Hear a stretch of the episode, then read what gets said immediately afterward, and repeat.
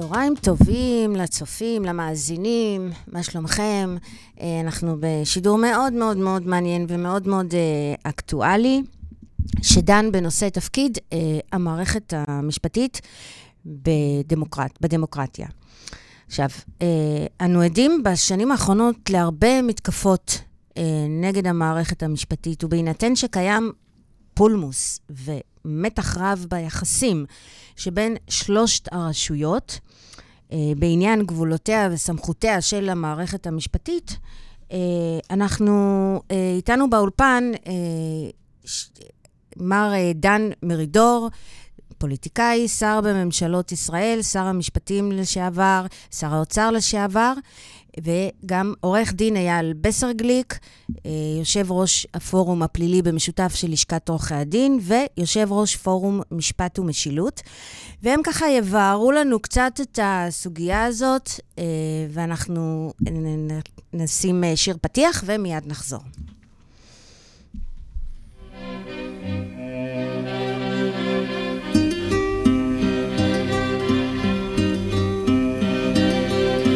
יש לי מיתרים, הם מתנגנים ברטט. אם יש בי דאגה, היא חשופה כמעט. אם יש בי אהבה, היא תאמר בשקט. אם יש לי שורשים, הם מתארחים לאט.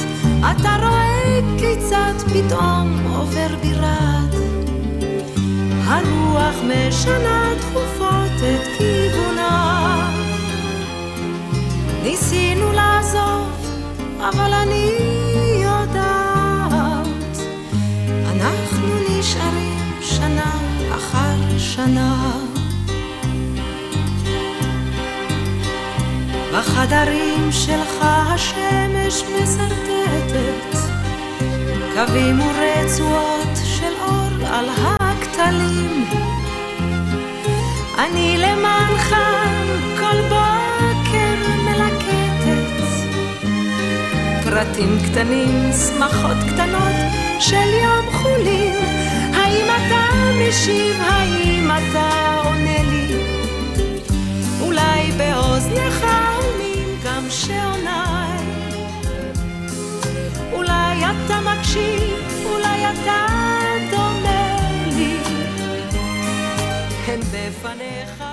אוקיי, אז uh, בואו נבהיר קצת את הדברים uh, מנקודת uh, מבטנו. בהינתן המתח הזה שמשפיע גם על החברה, גם על הרשויות, איך בעצם אתם מפרשים, ממה בעצם נובע, מר מרידור, לדעתך, כל החוסר הסדר הזה בין שלושת הרשויות? בישראל במשך כל שנות קיומה היו ויכוחים חריפים מאוד בין הצדדים הפוליטיים. חירות מפא"י, למשל, יחסים עם גרמניה, שילומים, שטחים, שלום. על דבר אחד לא היה ויכוח, על מערכת המשפט. בזמן, לא היום, בזמן שהייתה אקטיבית. בזמן פסקי דין אה, כמו כל העם, שאסר על הממשלה להכיל בענייני ביטחון לבד, וקבע שבית המשפט יקבע את האיזון בין חופש הביטוי לביטחון. בג"ץ... לא היה על הלגיטימיות של מערכת המשפט? לא, לא, לא, על, על הלגיטימיות שהיא זאת שמחליטה. וכולם מחופפים את הראש ומקבלים, או אילון מורה כלפי בגין, או החובה על בן גוריון להעסיק את מפקד הלח"י, אלדד, שהוא לא רצה להעסיק אותו, ועוד פסקי דין רבים מאוד. בנושא דת ומדינה, לא היה ויכוח, חוץ מאשר אולי בשולי השוליים של המחנה. יותר מזה, התנועה, מה שקוראים היום ימין, אז לא קראו לזה ככה, אבל התנועה הלאומית או תנועה חירות, הייתה המגינה הגדולה ביותר של מערכת המשפט, ותמיד הייתה, ב, הייתה לה תביעה שבית המשפט יהיה יותר בעל כוח. בגין מההתחלה רצה שבית המשפט יוכל לגבור על הכנסת בשלוש של זכויות האדם, והסביר, זה, זה לב הדמוקרטיה, שלא הרוב מכריע, אלא ערכים, גם כשהרוב עושה לפגוע בהם. זאת הייתה ההסכמה, זה השתנה. זה השתנה כי בשנים האחרונות אה, הערכים האלה, שהיו מוסכמים, וגם המוסדות שהמקובלים כרשאים להכריע, גם כשיש ויכוח על פסק הדין, והיו ויכוחים, זה היום במרכז ההתקפה. מי שמכם? למה אתם מחליטים? זה עניין של העם להחליט, לא של שופטים. אה, ותנו, אל תתערבו בעניין. זה נוגע לשינוי מאוד משמעותי חברתי, זה גם מקשה מאוד, כי אפשר לקיים חברה מאוד מקוטבת, ואנחנו כאלה בהרבה נושאים, כאשר יש הסכמה על ערכי היסוד ועל דרך ההכרעה, שכולם מקבלים אותה, גם כשלא אוהבים אותה. ולכן הצלחנו להחזיק ביחד למרות מתחים פוליטיים מאוד קשים. זה השתנה, והשתנה בהיבטים שונים. אגב, גם בעולם יש שינוי כזה שנסוג מהדמוקרטיה שמערכת המשפט חזקה בתוכה, אל דמוקרטיה לא ליברלית, כמו שקוראים לזה בהונגריה, אל, אל טראמפ, אל בית המשפט האמריקאי עכשיו. הרעיון הדמוקרטי, כלומר שהרוב לא מחליט בכל עניין, ויש לו מגבלות כשהוא רוצה לפגוע ביחיד או באדם, הרעיון הזה שבא בעיקר אחרי מלחמת העולם השנייה. שהריבונות היא לא מעל הכל והרוב מוגבל, כי ראו מה קרה כשהרוב עושה מה שהוא רוצה, גרמניה, איטליה וכן הלאה. והייתה מגמה מאוד חשובה להמעיט את כוחה של הריבונות לטובת האזרח, ולתת מערכת בינלאומית שמגינה על האזרח. האמנות, היהודים השתמשו בזה, למשל, let my people go, את לא יכול, אתם לא תחליטו שהיהודים לא יצאו, זה מעליכם, אין לכם סמכות.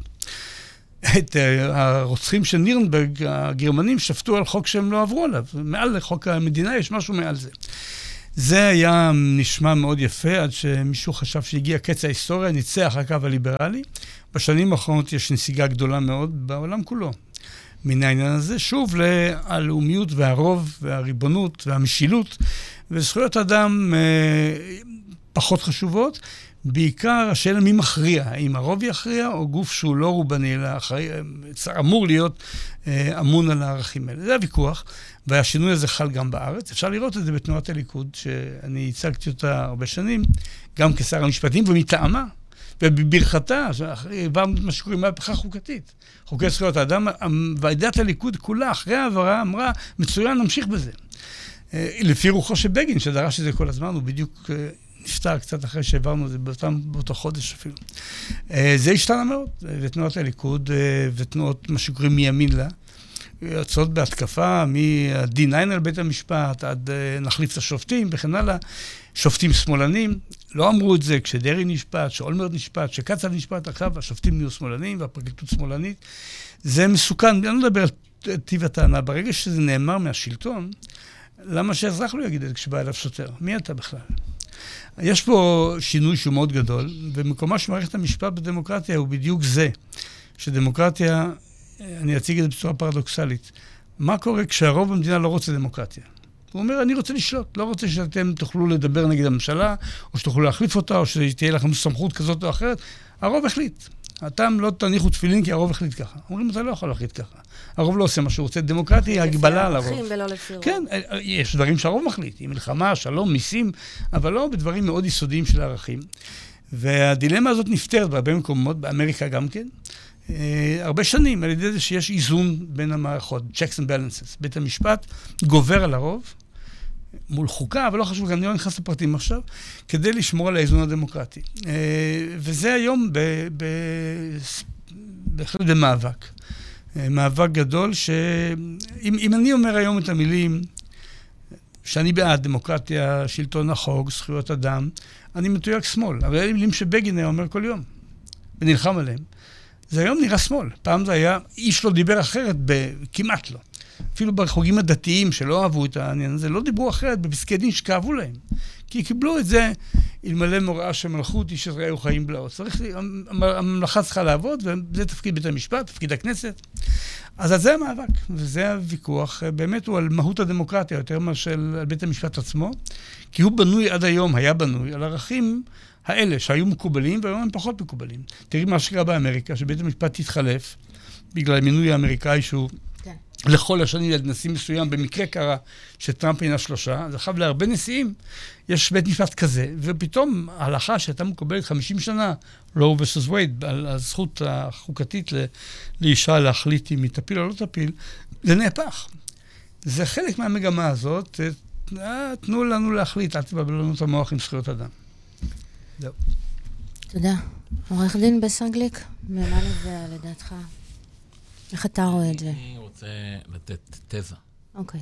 ואז אני אבנה אותה משפטית, ונראה אה, איך אנחנו טיפה משנים את השיח.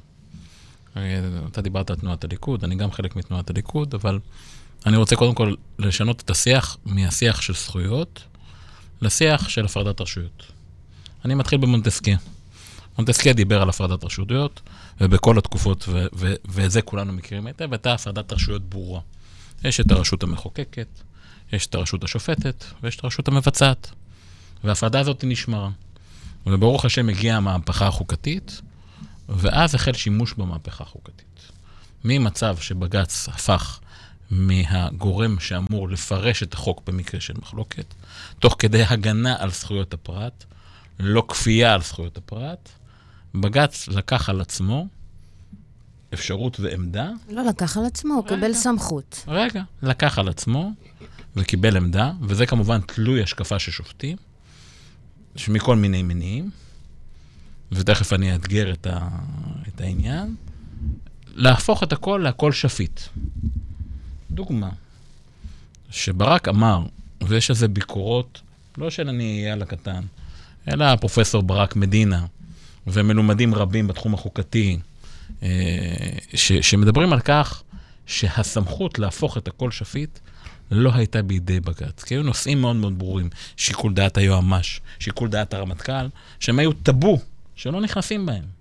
שיקול דעת האם להכניס חמץ לבתי חולים עם לאו בתקופה מסוימת. כי, כי זה מה שהיה. עכשיו, זה בסדר, אפשר לפרש את החוק, ואפשר להגיד שהכל שפיט, ובעולם שבו אה, הרשות השופטת הופכת להיות הרשות המחוקקת, וזה בוודאי בגין לא התכוון, אה, זה בעיה. מנגד, שמעתי גם את כל הדעות האחרות. אני כמובן אה, מתנגד מוחלט ל-D9 ולכל מיני דברים שהם קיצוניים, אבל אני בהחלט בעד שמירה קלאסית על הפרדת רשויות. והנה, הפלא ופלא, בכל גורם שקיים בצורה כזאת או אחרת, שעמד בראשות בית משפט עליון, היו גישות שונות. דיברת מקודם, אה, חברי, על נושא של קצב ועל הנושא של אולמרט שנשפט. זאת הייתה שפיטה מסוימת בערכאות מסוימות שהגיעו בסופו של דבר לבית משפט עליון.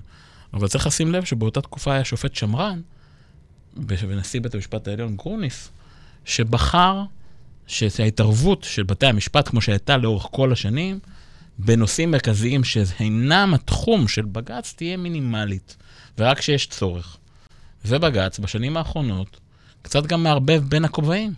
יש הבדל בין בית משפט עליון, כשהוא יושב ודן בתיקים פליליים רגילים, ואז צריך להחליט האם הוא ממשיך את המגמה ההולכת וגוברת שלו, שכבר נמצאת משנת 91 בערך, של מעבר מכללי קבילות נוקשים למשקל ומקבל כל ראייה, לבין בית משפט עליון שאומר, אני כבר אכנס גם בנושאים פוליטיים, אני גם אכנס לנושאים חיפושים בלתי חוקיים, בסוגיות מסוימות שהן נוגעות בפוליטיקה, שמאל, ימין, יועצי נתניהו, לא יועצי נתניהו, בניגוד להלכות קודמות, אגב, אורך, ואפגע בזכויות אדם דווקא. אגב, פה זה כבר פגיעה ולא הגנה על זכויות אדם, כי כאשר מתאפשר חיפוש לא חוקי ומכשירים אותו, בגלל מגמה של בתי המשפט הפליליים, מעבר מקבילות למשקל, אבל מכשירים אותו, אז אנחנו גם פוגעים בזכויות אדם. והנה התזה שלי מתממשת לידי הגולם עלה על יוצרו. באיזה מובן? שבית משפט שנועד להגן על זכויות אדם, חוצה את גבולות המותר והאסור, ופוגע בזכויות אדם בהצטלה של, אוקיי, אז אני מחליט את הדבר הזה, מחליט את הדבר הזה. עכשיו, אני לא יודע, אני קראתי, אני לא קיבלתי איזה ביסוס, שבימים האחרונים הייתה התערבות שיפוטית בהקשר של חוק הנאשם, שהייתה בקשה מבית משפט. איני יודע אם זה נכון, זה הורץ בכמה וכמה מקומות בין כתבי העיתונות הפוליטיים, שהייתה בקשה להריץ את חוק הנאשם מטעם בית משפט. אם הדברים נכונים, ואינני יודע, אז הדבר חמור, כי כאשר הרשות השופטת פונה לרשות המחוקקת, אם הדבר קרה, להריץ חוק ולקדם אותו, זה כבר חצייה של הגבול של הכל שפיט. עכשיו, תן עוד דוגמה. ודווקא דוגמה שהיא באה ממקום פחות טוב, כי זאת הייתה החלטה שיפוטית של הרמטכ"ל שלא הייתה נכונה. Okay. אוקיי. הייתה החלטה לא נכונה של אלוף פיקוד, בית משפט לעניינים מנהליים החליט את אשר החליט, והרמטכ"ל החליט שהוא הולך על הסוגיה העקרונית הזאת שבחרו להתערב בהחלטת אלוף פיקוד לבית משפט עליון. ובית משפט עליון אמר לו, סליחה, הכל שפיט. אני מתערב לך בהחלטה הפיקודית כי היא לא הייתה נכונה, ואני יכול לשפוט עכשיו כל דבר.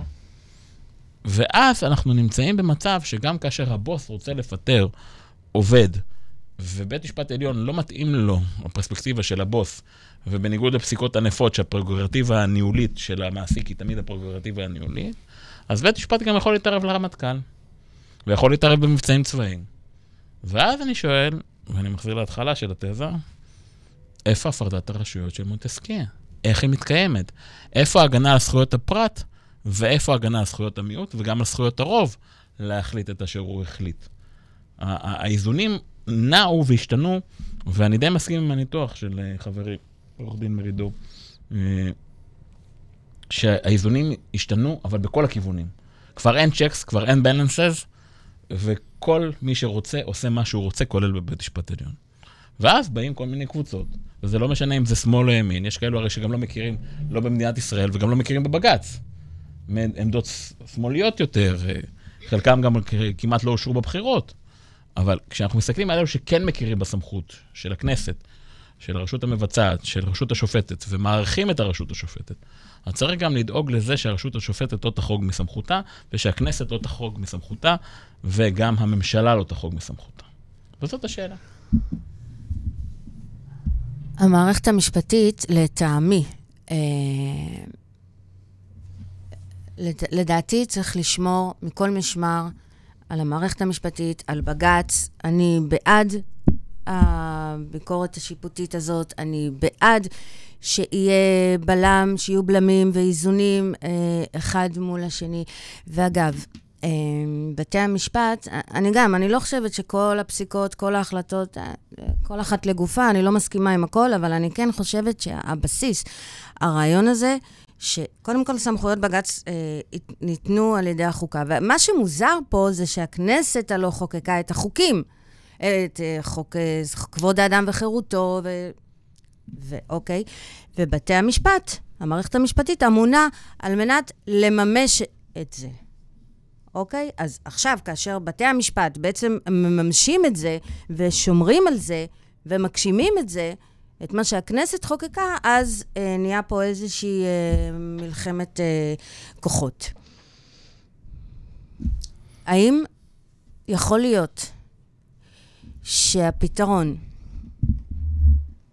הוא דווקא לא באיזון, אלא כיצד נעשה בעצם האיזון? האם הבעיה היא שהאיזון נעשה על פי שיקולי דת, רחבים מדי של המערכת המשפטית כאשר הם מפרשים חקיקה מסוימת? ייתכן? אני חושב שזה עניין של גישה.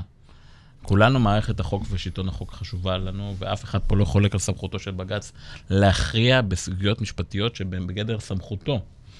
השאלה אם כשבג"ץ לוקח ומפרש את החוק ופוסל מספר לא מבוטל של חוקים בשנים האחרונות, האם ההגדרה שלו, של הכל שפיט, בעקבות המהפכה החוקתית, ובעקבות הדברים של אה, הנשיא דאז ברק, לא נלקחו בקדנציות מסוימות של נשיאי או נשיאות בתי משפט למקומות שהמחוקק מעולם לא התכוון אליהם. וזה גדר הסמכות וגדר הפרדת רשויות. אני פתאום ראיתי עכשיו, למרות שמותר לו לגמרי, את הנשיא אה, ברק, שמרגיש שהכל שפיט, ככה לפי שיטתו, מתערב בהסדר טיעון אפשרי. שזה קצת פוגע במעמד של הרשות השופטת, אז הרשות השופטת לשעבר הפכה להיות הרשות המתווכת. זה, זה דברים שהם קצת חרגו מהתקופה שהייתה אז. ובכלל גם כל השיח הפך להיות הרבה יותר שקוף, ציבורית, משודר, מצולם. כל התבטאות מקבלת פריזמה אחרת, כי נוסף לנו השחקן השלישי של התקשורת, שפתאום הכל מוצף. בזמנו היה, אני לא זוכר, בתקופת המהפכה החוקתית, לדעתי היה ערוץ אחד או שתיים. לא, לא היו כל כך הרבה ערוצים שפתאום נכון. כל דבר אה, אה, נכנסים, ולכן זה גם מקבל עצימות גבוהה יותר. אבל אני, אני חושב שבמובן של הפרדת הרשויות הקלאסיות צריך לבחון את, ה, את החריגה ואת העמדה שכל שופט ושופט וכל נשיא ונשיא. אם, אם היית שמה במבחן המציאות, למשל, את הנשיא גרוניס, לעומת הנשיאה נאור, זיכרונה לברכה, לעומת הנשיאה החיות, ובודקת את, את רמת ההתערבות השיפוטית, היית רואה שתי עמדות קיצון. למרות שהם באים מאותו בית, מאותה אסכולה, וללא קשר למינויים החדשים שהגיעו לבית משפט עליון, שבאו קצת לעשות יותר פלורליזם. ואת עדיין היית רואה נקודות שכולן נמצאות במישור של מותר לשפוט ולהישפט, ומותר להתערב התערבות שיפוטית, אבל אחד יגיד לך, אני לא אתערב כמעט בחיים, במינוי שעושה הרמטכ"ל, ואחרת תגיד לך, זאת אומרת, הכל שפיט, ואני מתערבת, ומבטלים. זה שני, שתי אסכולות שונות. מר דור, אה, אתה בעבר אה, אמרת שהפתרון מצוי, אה, ייתכן שהפתרון מצוי מחוץ למערכת המשפטית דווקא. אני... אני לא זוכר למה את מתכוונת, אבל אני אגיב לגוף הדברים. אה, ברור שיש שופטים שונים וגישות שונות, זה בני אדם. ובית משפט יכול להיות בית משפט שלא מגן על זכויות האדם. עכשיו באמריקה ראית את זה. מ-1776 עד uh, לינקולן, בית המשפט הסכים עם זה שכושים לא מצביעים עד סוף, תחילת המאה ה-20 שנה שלא מצביעות. בית משפט הוא לא מבטיח. אם בית משפט יהיה מה שקוראים שמרני כמו באמריקה, לא תהיה זכויות אדם. או לפחות לא, לא יהיה מי שיגן עליהם. הרעיון של uh, הפרדת רשויות הוא רעיון יותר מורכב. בית משפט, מה סמכותו? סמכותו היא למנוע שלטון בלי מצרים. לעצור את השלטון, לעצור את הרוב. אה, במקום שהרוב מאוד רוצה, הוא אומר, אסור לך. אה, זה בא למקרים חמורים כשהיינו קיצוני, והדברים חמורים מאוד. ויש מקרים אחרים שזה גבולי, אני מסכים. התיוג של השופטים הוא מטעה מאוד, גם אנשים לא מכירים את זה. אתן לך דוגמה מצוינת לפי דעתי. היה שופט, נשיא בית המשפט העליון, אני הכרתי אותו אישית הרבה שנים, שנפטר כבר, והיה נחשב אה, שמרן, הוא אגב התנגד למהפכה חוקתית שאני עשיתי, הרבה שיחות איתו, השופט לנדאו. הוא אחרי שעזב את השיפוט, כתב uh, מאמרים, ארץ ישראל השלמה. הוא האיש שהוריד את אלון מורה. למה? כי הוא, וזה פוליטי, וזה מזיק? לא, הוא אמר, הוא פוגע בזכויות המקרקעין, ואני אוריד, לא חשוב מה הפוליטיקאים אומרים. בית משפט לא שוקל שיקול פוליטי, הוא שוקל שיקול שלפעמים יש תוצאה פוליטית. כמו זה, כמו אלון מורה. אבל הוא שופט ארכי שמרן לפי התיוג הדי מטופש הזה, כי זה לא נכון להציג את זה כך. הוא בהחלט היה בעד, אה, נגד המהפכה החוקתית, זה סיפור מעניין ולמה, אני לא אכנס אליו עכשיו, אבל הוא היה האיש למשל, שפעם ראשונה ביטל חוק של הכנסת, לפני המהפכה החוקתית. בג"ץ ברגמן, מי שמכיר, השופט לנדו, השמרן כאילו, החירותניק, סליחה שאני אומר את זה במונחים מפלגתיים, מפני שהוא האמין בערכים שדיברתי עליהם קודם. לא חשוב אם אתה חירות או מפ"ם או מפא"י או ש"ס או מה שלא במפלגות, אתה מכבד את זכויות האדם, שלטון החוק, ולא נותן לשלטון לעשות מה שהוא רוצה כשהוא פוגע בזכויות אדם. אה, ולכן, בפסיקות שהזכרתי, למשל, בעניין אה, בג"ץ ברגמן, זה הייתה חלוקה לא שוויונית של כספי מימון המפלגות, גם אחר כך בשידור הציבורי, ומכיוון שכתוב בחוק יסוד הכנסת שהבחירות הן שוות, אז הוא פירש את זה כך, והוא ביטל את החובה להישמע לחוק. לפני המהפכה החוקתית. אף אחד לא אמר מילה. אף אחד לא אמר מילה. כי השינוי לא היה בבית המשפט. אם בכלל זה החלשתו. הרטוריקה אולי של ברק הייתה אחרת, התוכן לא היה שונה מלנדו, לא מאגרנט, לא מאף אחד אחר. הפוליטיקאים השתנו. מאוד. הליכוד בוודאי לא השתנה, הוא התהפך, הוא הפוך לחלוטין היום. זה לא רק עניין ה-D9, זה אפילו ליכוד, זה מישהו אחר, אבל אתה שומע את הדברים, אני לא רוצה לצטט שמות של אנשים, זה מזעזע. אז זה בדיוק ההפך, זה לא על יעד, זה לא בערך, זה ההפך.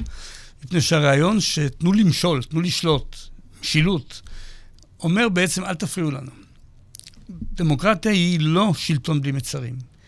היא לא הרוב עושה מה שהוא רוצה. הרוב מוסמך בחלק מסוים להחליט, ברוב הדברים לא. הוא לא יחליט אם אני אתפלל או לא, הוא לא יחליט אם אני אדבר או לא, הוא לא יחליט אם מותר לי להצביע, הוא לא יכול להגיד שהיהודים או הערבים או השחורים לא יצביעו. הוא לא יכול, גם אם הוא הרוב של 90% לא יכול. מי יעצור אותו? הכנסת לא תעצור אותו, כי היא הרוב. גם אין הפרדת רשויות של מונטסקיה בכלל בשלטון שלנו, כי הכנסת והממשלה הם אחד. הממשלה שולטת בכנסת, אני הייתי שם. הכנסת לא מבקרת את הממשלה באמת. הממשלה כמעט תמיד עושה מה שהיא רוצה בכנסת, לכן הבקרה של בית המשפט היא עוד יותר חשובה. לעתים בקונגרס האמריקאי זה אחרת, כי הבחירות הן שונות וגם שם לא פשוט.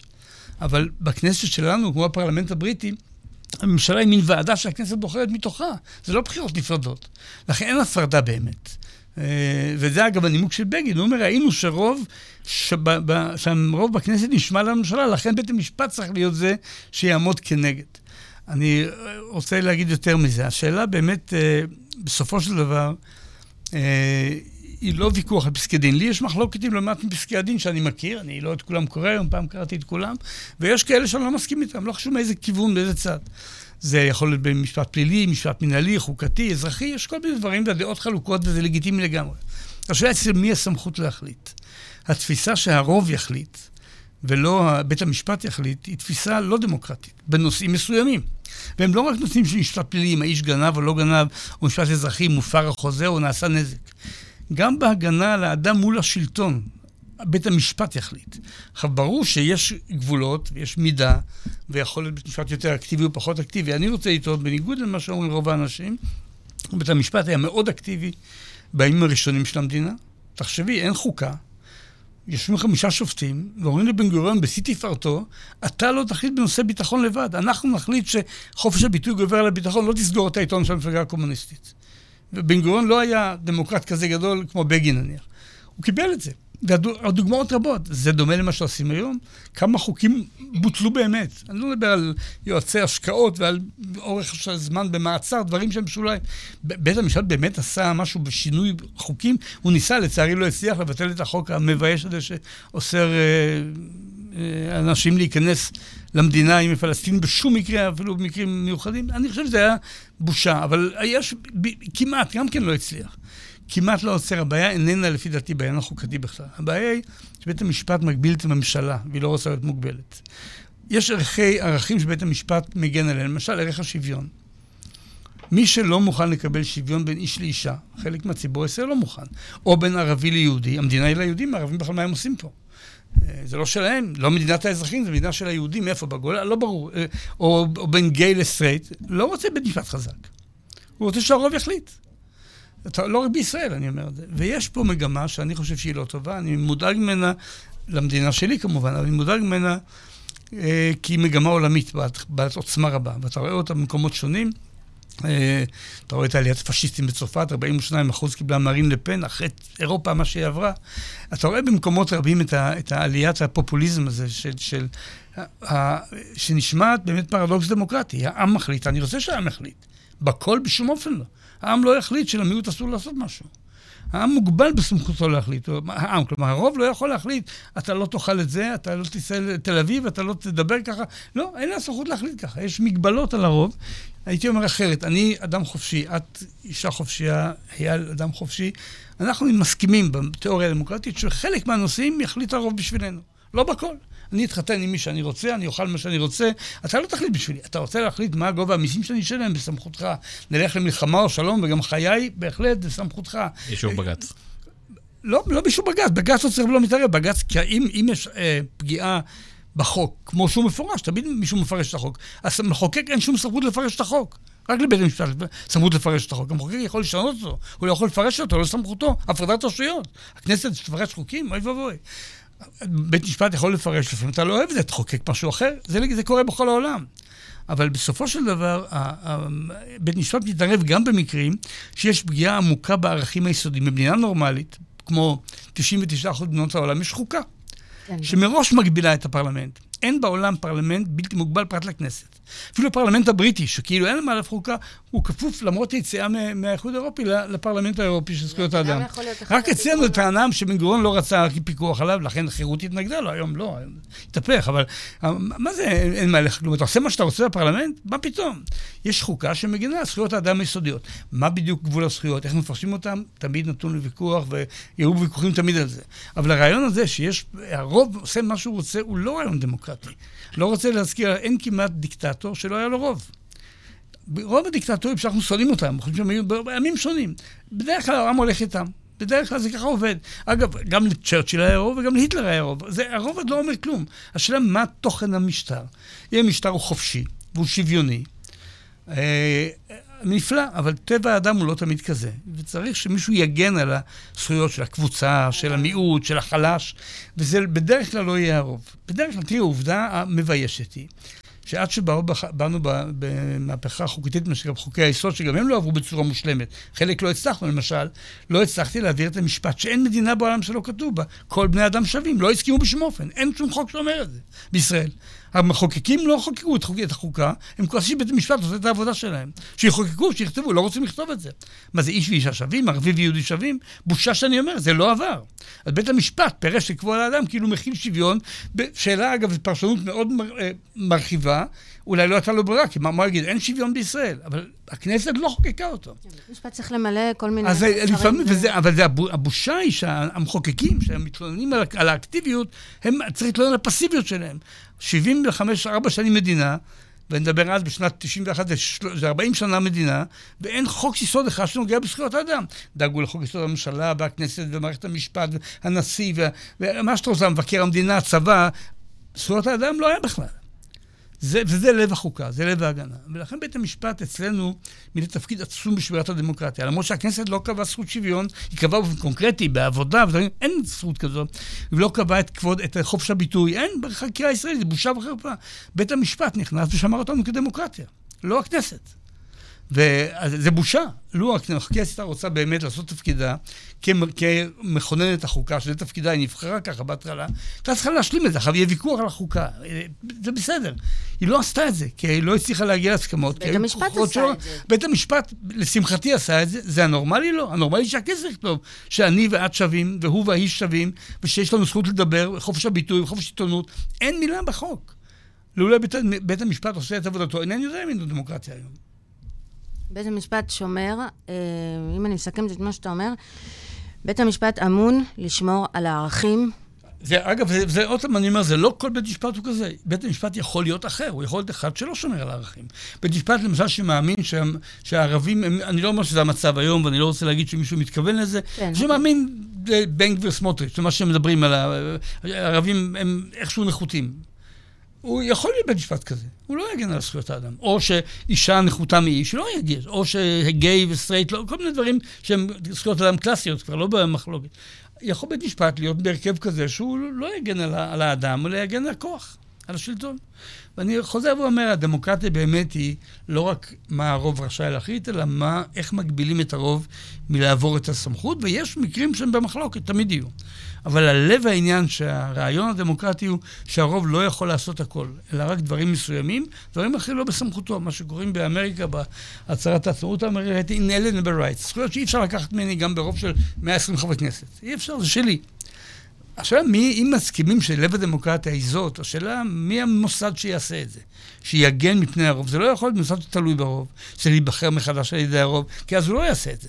ולכן שופטים בדרך כלל, הם ברוב העולם, הם אלה שעושים את זה. אגב, באירופה יש שיטה שיש בית משפט חוקתי, שהוא שונה, למשל, בבית המשפט הרגיל באירופה, יש ההנחיות של ועדת ונציה של האיחוד האירופאי, אסור שפוליטיקאים יבחרו שופטים. שופטים בוחרים את עצמם, מועצת שופטים. זה לא נכון לגבי משפט בית משפט קונסטיטוציוני באירופה, שם הפוליטיקאים כן מתערבים בשפיטה, צריך להגיד את זה. פה רוצים שבית המשפט העליון, אחר בליכוד, בליכוד מציעים, ייבחר בכלל על ידי הכנסת, על ידי הממשלה. אפשר להרוס את השיטה, שום דבר לא מובטח. מסוכן. אוקיי. אה, אולי הפתרון באמת אה, ככה לחיות עם איזשהו איזון בתוך כל ה... המתח הזה, אולי, הוא באמת לבצע איזושהי חקיקה, אולי להקים חוקה סוף סוף שתיתן... אה, אני חושב שהימים השתנו. כי גם, זה, זה רק הולך ומחמיר, באמת. אני חושב כאילו שהימים השתנו. רגע, ההולך ומחמיר זה הוויכוח הזה בין הרשויות. אני, אני חושבת שבג"ץ, ושוב, אני לא מסכימה עם הכל, וזה ברור, אבל אני חושבת שחייב בג"ץ אה, להמשיך לפעול ולהמשיך לבקר את... אה, אף אחד לא חולק על הסמכות של בג"ץ לקחת ולפרש. אי אפשר לחלוק על הסמכות של בג"ץ, היא כתובה ב... אבל אף אחד לא חולק. המחלוקת היא על תוכן, המחלוקת האם השופטים עצמם החלו להיות גם פוליטיים. המחלוקת היא, למשל, דיברנו פה... אבל שופט הוא לא פוליטיקאי, מה יש לו עם פוליטיקה? רגע. דיברנו על פרקליטות, שלמשל טיפה, אבל גם הפרקליטות הפכה להיות הרבה יותר פוליטית מהימים שחברי היה שר משפטים. נכון. הדעות פתאום, דרישות שלא היו מעולם, שלגבי הגבלת כהונה, הגבלת זמנים, קלון לא קלון, וזה היה באופן כללי דרישה, אבל חלק ממשא ומתן, תרד מהמשך היבחרות, ואז אנחנו נאשר לך בכלל היעדר ענישה. אלו דברים שלא היו בזמן, אני כבר 20 שנה עורך דין, ואני ראיתי באמת את כל התיקים, לא ככה. עכשיו, אני, אני אתן דוגמה. דיברת אה, מקודם, חברי, על העניין של הכנסת תבחר את השופטים. בארה"ב יש שיטת בחירה אחרת. בפועל, אם אנחנו רואים לפחות את השנים האחרונות, את שיטת הבחירה של השופטים, היא שיטת בחירה של דילים.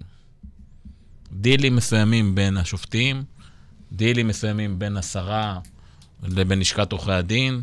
כשלשכת עורכי הדין יותר חלשה כמו עכשיו, דילים אחרים שבכלל מתעלמים מהלשכה.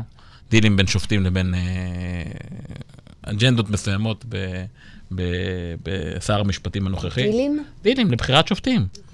הרי זה דילים קואליציוניים בסופו של דבר, אי אפשר להתעלם מזה.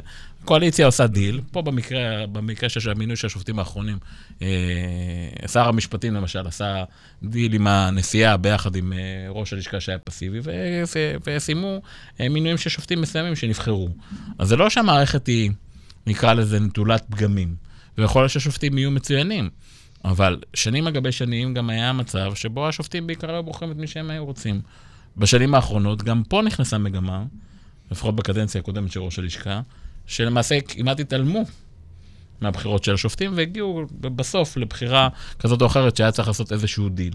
זאת אומרת, זה גם לא בדיוק, נקרא לזה, נטולי אג'נדה, אה, שופטים שמגיעים, וראינו את כל, איך, איך ממונים שופטים בתקופות של השנים האחרונות, ומי מדבר עם מי, ואיך מדברים, וכמה הכישורים פחות באים לידי ביטוי. אה, אז גם זה בעייתי. עכשיו, כשמתייחסים לעניין של אה, זה זכויות... קצת נישתי. יש כאילו, זה קצת נישתי, כאילו. זה לא עניין של השאלה היא- נישתי, זה, זה, אלו נתונים... יש הרבה כאילו נקודות כאלה. ש- אלה נתונים עובדתיים של דרך מינוי השופטים בשמונה שנים האחרונות. לא לפני 20 שנה, אלא עכשיו. שמונה שנים האחרונות זה בעיקר דילים. שנים לפני כן זה היה בעיקר כי השופטים שלטו באופן מוחלט בוועדה למינוי לא, שופטים. בסדר, אבל אבל- יש את אבל- ה...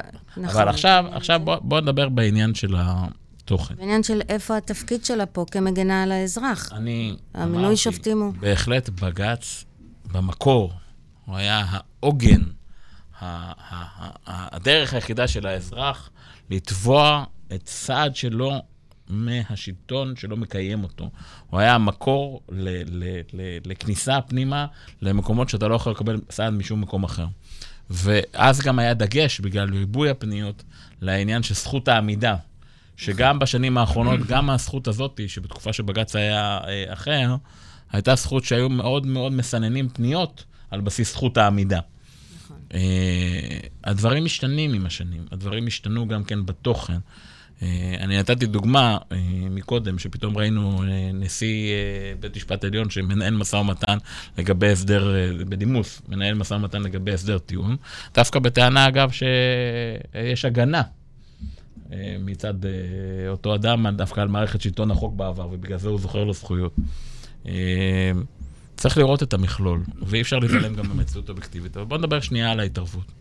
זה דבר אחד שאנחנו לא שמנו את הפיל, ואני כן רוצה לשים את הפיל בתוך החדר, בואו ניכנס לפסקת ההתגברות. אוקיי. בואו נדון לפסקת ההתגברות. פסקת ההתגברות היא, היא, היא חלק, למעשה, גם מהמהפכה החוקתית. ברור. והיא נלקחת היום למקומות שאני חושב שהמשורר לא התכוון אליה. אני חושבת שכן. אה, למה אני אומר?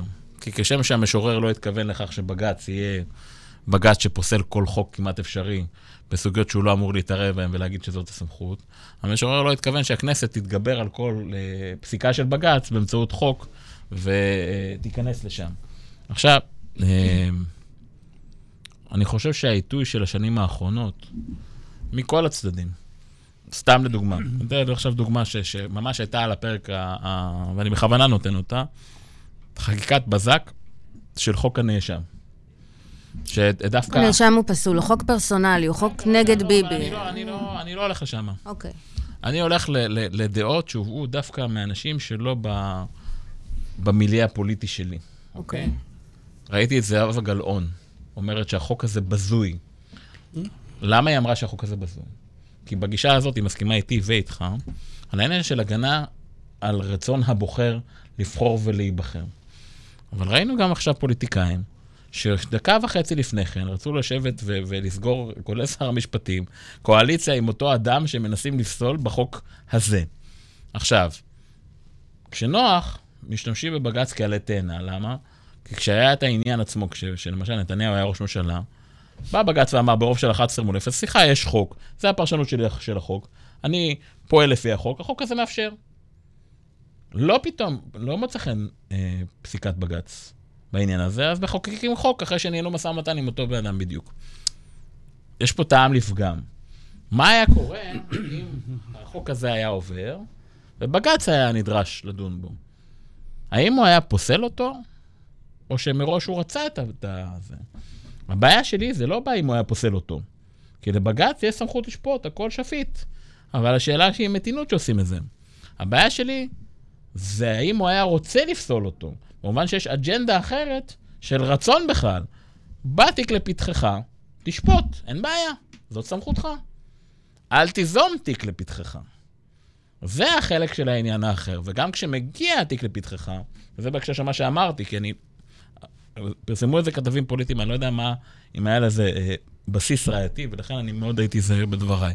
אבל גם כשמגיע לפתחך, תפעל לפי עקרונות שמרניים. ואם אתה רואה עוול לזכויות אדם, ובזה אין מחלוקת, אם למשל הכנסת תחליט שהיא סוגרת את uh, אפשרות לבחור ולהיבחר, אם הכנסת תפגע במיעוט כזה או אחר, אם הכנסת תפגע ב, ב, למשל בהיות מדינת ישראל כיהודית ודמוקרטית, אז, אז אפשר להכל לקחת ולשפוט, כל עוד זה באמת פגיעה קשה בזכויות אדם.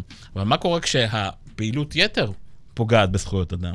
על החלק הזה אין באמת מענה. אם למשל אני אה, אה, חילוני מאמין שאני רוצה שהקונסנזוס שהיה כל השנים, שבתוך בתי חולים, כשהאדם, אה, אה, ואני לא לוקח את זה למקום שחברת הכנסת אה, עידית סילמן לקחה את זה, כי דעותיי בעניין הזה שונות ממנה, היא דיברה על יותר פן כזה משיחי, אני לא שמה. Mm-hmm. אבל אם אני רוצה לכבד את ציבור האנשים, אפילו החילוניים מאמינים, ויש לי עכשיו קרוב משפחה ש, שממש במצב חירום והוא בבית חולים, והדבר הראשון שעכשיו לא נראה לי שמישהו מתעסק בו בכלל, זה האם כן ייכנס חמץ או לא ייכנס נכון. חמץ בניגוד לכל השנים. נכון. אז פתאום בג"ץ כן מתערב בזה ומחליט שכן חמץ, ואם הממשלה תשתנה בעוד כמה חודשים, אז בג"ץ יחליט בדיוק הפוך, ואז אומרים לי, זה לא פוליטי? שאלה? כן, אבל בג"ץ לא מחליט אה, החלטות שרירותיות. קודם כל, משהו, אני לא יודע מהם להתחיל, כי הרבה דברים, וחלקם אני מכיר אותם אחרת. מעולם הוועדה לא הייתה בידי השופטים, אף פעם אחת לא. שמונה שנים אני הייתי חבר ועדה למינוי שופטים, ארבע שנים יושב ראש הוועדה כשר משפטים וארבע שנים כחבר הוועדה מטעם הכנסת. ואני יכול לומר שאף דיל אחד לא נעשה. שופטים מינינו, חלקם טובים, חלקם לא, לא ידענו למנות טוב, כי זה מאוד קשה לדעת איך אדם מתפקד, אבל לפי דעתי עשינו עבודה טובה. אף פעם השופטים לא היה להם, לצערי, לא היה להם רוב בוועדה. תמיד הם היו שלושה מתוך תשעה. אה, אבל הייתה להם דעה חשובה, כי הם לא נחשבו פוליטיים. היו ניסיונות לעשות דילים פוליטיים, אני זוכר אחד שאני דחיתי אותו, שבא מישהו אמר לי, אני לא אגיד שמות עכשיו. ובשנים אחריך, בשנים אחריך. אני לא, אני, אם קורים היום דברים כאלה, וחלק ראינו את, ראינו את, את הנאשם, איך קוראים לו? נווה, שהיה ראש הלשכה, ראינו את ההתנהגות כן. הנוראה שלו, אה, ואת החנופה של חלק מהמתמודדים שבאו להתחנף אליו, שהיה מבייש כמי שרוצה להיות שופט, זה היה בושה וחרפה. אז היו דברים חמורים. בסוף זה בני אדם, יכולים בני אדם, שרים, שופטים, חברי כנסת, להיות הגונים ולהיות לא הגונים. זה אין, אין מנוס מזה, נכון? נכון. והיו דברים מאוד חמורים, אני לא מתווכח על זה. אני, אני לא מדבר על זה, זה תמיד יהיה. אם החברה לא מקבלת אנשים כאלה, אז היא דוחה אותם. אם זה ציניות, אה, כולם כאלה, כולם רמאים, כולם גנבים, אז זה מה שיהיה, וראינו את התופעות האלה. אני מאוד מצטער לומר את זה, מאוד ראינו אותם. אגב, חמץ בבית חולים זה דבר מוזר בעיניי. אגב, זה לא, לא היה ולא נברא, שאף פעם לא נכנס חמץ. רק בשנים האחרונות החליטו על זה, אבל אין שום בעיה הלכתית. בוא תארי לך שיהודי חרדי שוכב בבית חולים, והוא אומר, אני לא יכול להיכנס לבית חולים כי מביאים חמץ. שקר.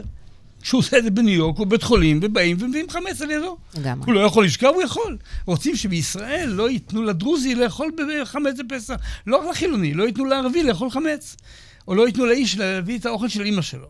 אז אני לא נכנס לכם אם זה טוב או רע, זה לא דבר כזה של זכויות אדם פה, מה מדובר?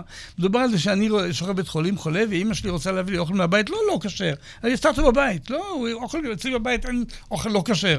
אבל אומרים, לא, לא, לא, תביא, צריך הכשר של הרבנות. האם זה נכון? אני לא בטוח שזה נכון. זה גם לא היה בשנים הראשונות של המדינה. לא יודע מתי התחילו בזה. אז זה 30 שנה בערך, משהו כזה. אני לא יכול, אני לא בדקתי, זה לא תמיד היה ככה. זה חלק מההתגברות של הרצון לא לשמור על זכויות הדתיים, אלא לכפות על הלא דתיים אה, דברים שהם לא רוצים. אם יש בעיה הלכתית, אני יכול גם כן, צריך להיזהר. הוא אמר, תשמע, הוא לא יכול ללכת לבית חולים. הוא יכול. בניו יורק, בלונדון, מאות אלפי אנשים הולכים לבית חולים, ועל ידם אוכלים חמץ, אין, אין איסור. רוצים שהמדינה לא תאפשר את זה. מה יקרה אבל אם לא... בלי בעיה הלכתית. על ידי זה שמישהו לא ייכנס עם זה ויהיה ליד זה. אם זה קורה בניו יורק, אם זה ליד זה, מה, הוא לא יהיה לבית חולים? אבל אנחנו לא... אין שחר, זה לא בעיה הלכתית, זה בעיה של... אני לא נכנס אליה, לא- זה לא דבר חשוב בעיניי. הדבר היסודי המקורי הוא עוד דבר חשוב, ואני צריך לזכור אותו. תראי, יש שופטים שהם פחות נושאים חן בעיניי ויותר נושאים חן בעיניי, יותר חכמים, פחות חכמים, יותר אה, בהשקפה א', ב', ג', יש שרים כאלה, נכון. יש חברי כנסת כאלה. מה שמוזר הוא תסתכלי על שלוש מערכות. מההסתה והפראות האחרונה. תשאלי אדם ברחוב, יש לך מיליון שקל, מי תשים לשמור עליו? שר, חבר כנסת או שופט? כולם יגידו לך שופט. המערכת, המשפ... הכנסת לא מתקנת את עצמה, את ההתנהגות המבזה שלה, והממשלה, איך שהיא מתנהגת, הם כולם מתקנים את בית המשפט, זה לא טוב להם. יש פגמים בבית המשפט, כולכם עליו, זהו.